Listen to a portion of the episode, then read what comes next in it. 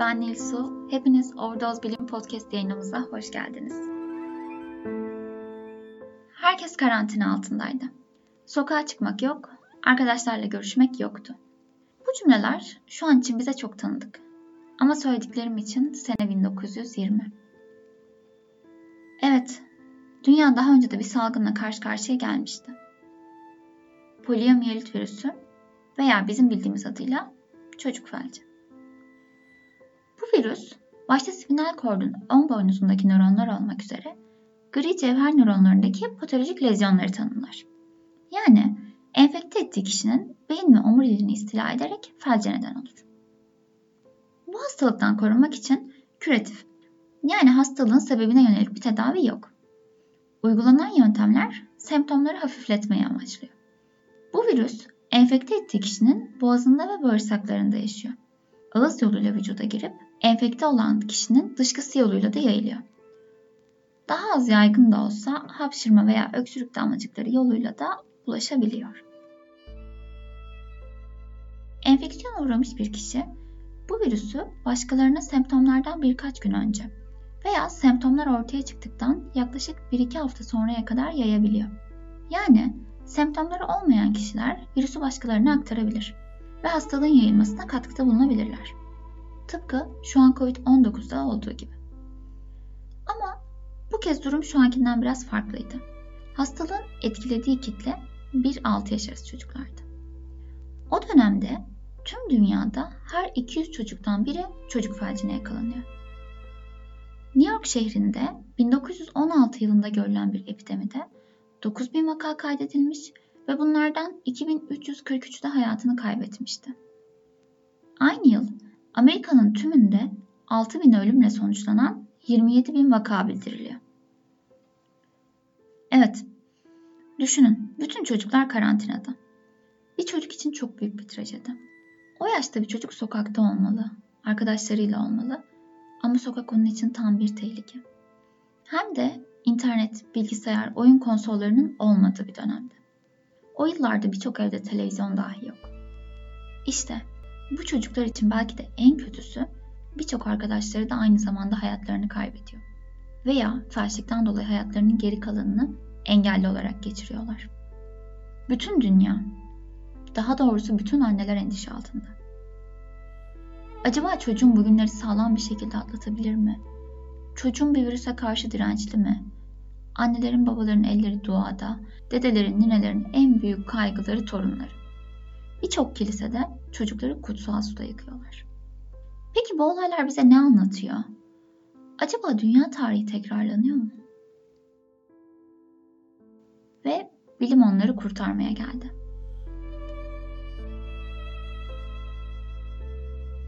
Dr. Jonas Salk Jonas 28 Ekim 1914'te New York'ta yoksul bir mülteci ailede doğuyor. Ailesi eğitime çok önem veriyor. Liseden mezun olduktan sonra Salk ailesinden üniversiteye ilk girebilen o oluyor.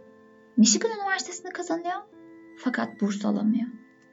Bu yüzden yarı zamanlı olarak babasının çalıştığı fabrikada çalışıyor. Salk ve ailesi New York'un yoksul mahallelerinde yaşıyorlar ve birçok kişi bu virüsten etkileniyor. Hatta birçok arkadaşı çocukken geçirdiği felçten dolayı evden dışarıya çıkamıyor. İşte bu acıları en yakından hisseden Jonas, 12 Nisan 1955 yılında bu lanet virüsün aşısını buluyor.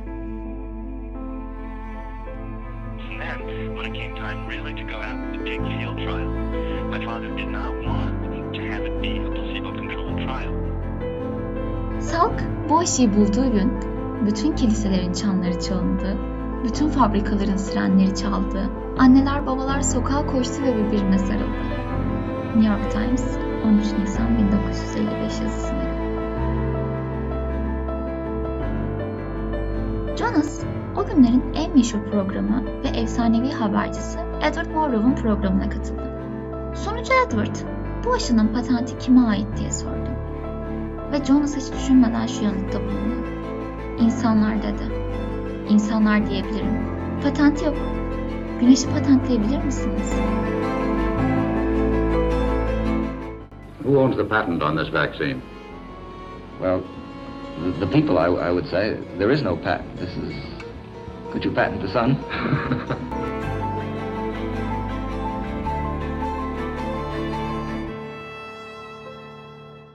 Poliomiyelit enfeksiyonlarının geçmişi tarih öncesi zamanlara kadar uzanır. Her ne kadar büyük polio salgınları 20. yüzyıldan önce bilinmese de hastalığın insanlık tarihi boyunca felç ve ölümlere neden olduğu biliniyor. İşte bu izler Antik Mısır dönemine kadar uzanmakta. Milattan önce 1365-1403 yıllarından kalma bir Mısır siteli üzerinde bir baston tutan ve solmuş bir ayağı olan çocuğun poliomiyelit deformitesi gösterdiği kabul ediliyor. İnsan tarih boyunca hayatını sürdürebilen bu virüsü yok etmeyi başarıyor. Elbette aşı sayesinde. Polio aşıları genel olarak inaktif poliovirüs ve oral poliovirüs olmak üzere ikiye ayrılır. Jonas Salk tarafından bulunan bu aşı formalinle inaktif hale getirilmiş ölü virüs fikrine dayanıyor. Salk ve arkadaşları 1955 yılında inaktif polio aşısının lisansını alıyorlar. Aşı bulunmadan önce hastaların semptomlarını hafifleştirmek için birkaç yöntem kullanılıyor. Semptomatik tedavi genellikle kasların fonksiyonunu sürdürmesine ve mobilitenin devamına yönelik. Kalıcı polio paralizisini ise ne yazık ki engelleyemiyor. İşte bu yöntemlerden sadece çelik ciğer denilen bir cihaz çocukların ölümünü engelleyebiliyor. 1928'de Harvard'da geliştirilen bu çelik ciğer hastanın içine girebildiği silindir şeklinde bir metal cihaz. Hastanın nefes almasına yardımcı olmak için çelik ciğere bağımlı pompalarla havanın basıncı düşürülüyor ve bir süre sonra yükseltiliyor. Basınç azalınca akciğer şişiyor ve ciğerlere hava giriyor. Basınç artınca hastanın ciğerleri sıkışıyor ve kullanılmış hava dışarıya atılıyor. Günümüzde bu şekilde tedavi olduğunu bildiğimiz kişiler var. Bunlardan biri film sanatçısı Mia Farrow. 9 yaşındayken çocuk felcine yakalanıyor ve 8 ay hastanede çelik ciğerli tedavi olup ölümden dönüyor. UNICEF 2000 yılında Farrow'u iyi niyet elçisi olarak atıyor. Bir diğer örnek 5 yaşında geçirdiği çocuk felci nedeniyle 65 yıldır çelik ciğer adı verilen oksijen makinesinde yaşamaya devam ediyor. Hastalıktan maksimum korunmada günümüzde geçerli tek yolun aşılama olduğunu ve böyle bir imkanın yok sayılmasının söz konusu dahi olamayacağını eradike edilen pek çok hastalıkta görmekteyiz. O günlerde polio virüsüne yakalanan bir başka kişi ise Franklin Roosevelt. Yani ABD'nin gelecekteki başkanı. 1921'de yani 39 yaşındayken Franklin Roosevelt polio oldu. Sonrasında politikadan kopamayan Roosevelt 1928'de New York valisi ardından 4 dönemde Amerika Birleşik Devletleri Başkanı seçildi. Başkanlığının başında Warm Springs, Georgia'da polio eradikasyon merkezini açtı. Bu onun için küçük ancak insanlık için büyük bir adım oldu. Aynı zamanda 1938'de aşı geliştirilmesi için kampanya başlattı. Fakat Roosevelt 1945'te aşının bulunduğunu göremeden öldü. İşte bu yıllarda vakalar da gün geçtikçe artarak devam ediyordu. 1949'da başlayan salgında vaka sayısı 42 bini aştı, 2720 kişi hayatını kaybetti. İnsanlar bu dönemde virüs karşısında çaresizdi. Ancak sonrasında aşının kullanılmasıyla birlikte vakalarda ciddi azalma gözlemlendi. Nitekim Amerika Birleşik Devletleri'nde bildirilen paralitik vakalar 1950'lerin başlarında yılda 20 binden 1960'da 2525'e 1965'te ise 61'e düşmüştür. Amerika Birleşik Devletleri'nde son paralitik poliomiyelit vakası 1979'da görülüyor. Poliovirüs için eradikasyon kavramının ele alınmasında etkinin insan dışında doğal bir rezervuarının olmaması ve hastalığı önlemede oldukça etkin bir aşının bulunması etkili oluyor. Süreç içerisinde 1988 yılında 41. Dünya Sağlık Asamblesi poliomieliti 2000 yılında eradike etmeyi hedefleyen resmi Global Polio Eradikasyon Programı'nı duyurdu. İşte bu programın başladığı 1988 yılından bugüne 200'den fazla ülkenin ve 20 milyondan fazla gönüllünün 11 milyar dolardan fazla uluslararası yatırımla desteklenen işbirliği sayesinde polioya karşı 3 milyar çocuk aşılanmıştır. Program neticesinde 1988 yılındaki 350 bin polio vakası %99'luk bir azalmayla 2000 yılına gelindiğinde 2971 vakaya düşüyor. Poliomiyelit ilk olarak Amerika kıtasında eradike ediliyor ve bu kıtaya 1994 yılında poliosuz bölge sertifikası veriliyor. Tabi eradikasyon tüm tehlikenin tamamen geçtiğini göstermez. Bunun bir örneği olarak Hollanda'da poliomiyelit eradike edildikten sonra dinsel sebeplerle aşılamayı kabul etmeyen bir grupta 1992 ve 1993 yılları arasında vahşi poliovirüse bağlı bir salgın ortaya çıkması aşılamanın önemini göstermektedir. 1988 yılında 125'ten fazla ülkede her yıl 350 binden fazla çocuk polionun neden olduğu paraliziyle yaşarken 2017 yılına gelindiğinde sadece 3 ülkede Nijerya, Pakistan, Afganistan'da endemik olarak kalmıştır. 1988'den beri küresel poliomiyelit insidansı %99 oranında azaltıldı ve şu anda dünya nüfusunun %80'i poliodan arındırıldı. Poliomiyelit eradikasyon programı 1989'da uluslararası hedefler doğrultusunda başlatıldı ve 1995 yılından itibaren 6 kez ulusal aşı günleri ve 8 kez MUPAP düzenlendi.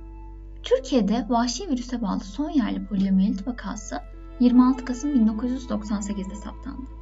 Ülkemizin de içinde olduğu Dünya Sağlık Örgütü Avrupa Bölgesi 21 Haziran 2002'de poliodan arındırılmış bölge olarak belgelendi.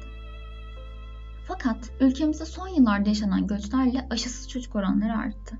Bu da polio açısından ciddi risk oluşturuyor. Bu nedenle 2015 yılında Sağlık Bakanlığı tarafından Suriye ve Irak ile birinci derecede aktif sınır bağlantısı olan Hatay, Kilis, Şanlıurfa, Mardin ve Şırnak illerinde 0-59 aylık tüm çocuklara iki tur halinde destek aşılama çalışmaları yapıldı. Kampanya ilki Nisan ayında, ikincisi Haziran ayında olmak üzere iki tur halinde gerçekleştirildi. Poliomiyelit eradikasyonunun gerçekleşebilmesi, özellikle polionun endemik olduğu ülkelerde politik sorumluluk gerektiriyor. Ayrıca eradikasyonun maliyeti genellikle ülkelerin mali ve insan kaynakları üzerine çıkıyor. 2013-2018 stratejik planının tahmini maliyeti yaklaşık 5.5 milyar dolar. Bu oldukça yüksek bir maliyet. Ancak küresel eradikasyon oluşturamamasının maliyeti çok daha fazla olacak. Bu nedenle endemik ülkelere yeterli kaynakların temin edilmesini sağlamak için uluslararası toplumun yardımı önemli. Çünkü mikroorganizmalar uluslararası sınırları tanımamakta. Etkili bir koronavirüs aşısı olduğunda nasıl rahat bir nefes alacağımızı hayal edebiliyor musunuz? Şu anda haber döngüsünün yoğunluğu göz önüne alındığında, salgın deneme sonuçlarının açıklandığında olduğu gibi uluslararası bir an içerisinde olabileceğimizi hayal etmek o kadar da zor değil. Afiş başlıkları, kilise çanları çalıyor. Ve bu tür bir korumaya sahip olduğumuzda, yani Covid aşısı geldiğinde işbirliği içinde düşünmek, kolektif olarak hareket etmek ve dağıtmak zorundayız. Bugün çoğumuz için aşı özlemi yeni bir deneyim. Aşılar bize kendimizi bireysel olarak korumanın bir yolunu verir. Ama aynı zamanda bize daha güvenli bir dünya yaratmanın da yolunu sunar.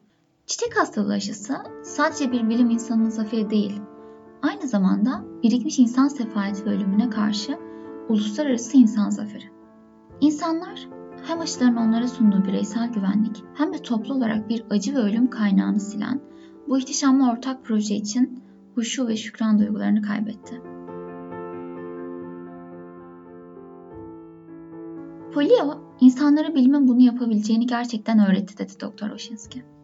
O zamanlar aşıların bu kadar hayati önem taşımasını sağlayan şey insanların her gün gördüğü hastalıklara karşı koruma sağlamalarıydı. Ve bu hastalıkların birçoğunun ortadan kalkmasıyla bu yakın tehlike hissi belki de kaybolmuştu. 2019'un kızamık salgınını düşünün. Bu da sadece ebeveynleri güvensiz ve güvenli bir aşı reddeden çocukların değil, yeni doğan bebeklerin bağışıklık yetersizliği olan kişilerin aniden bu virüs çevresinde olabilir.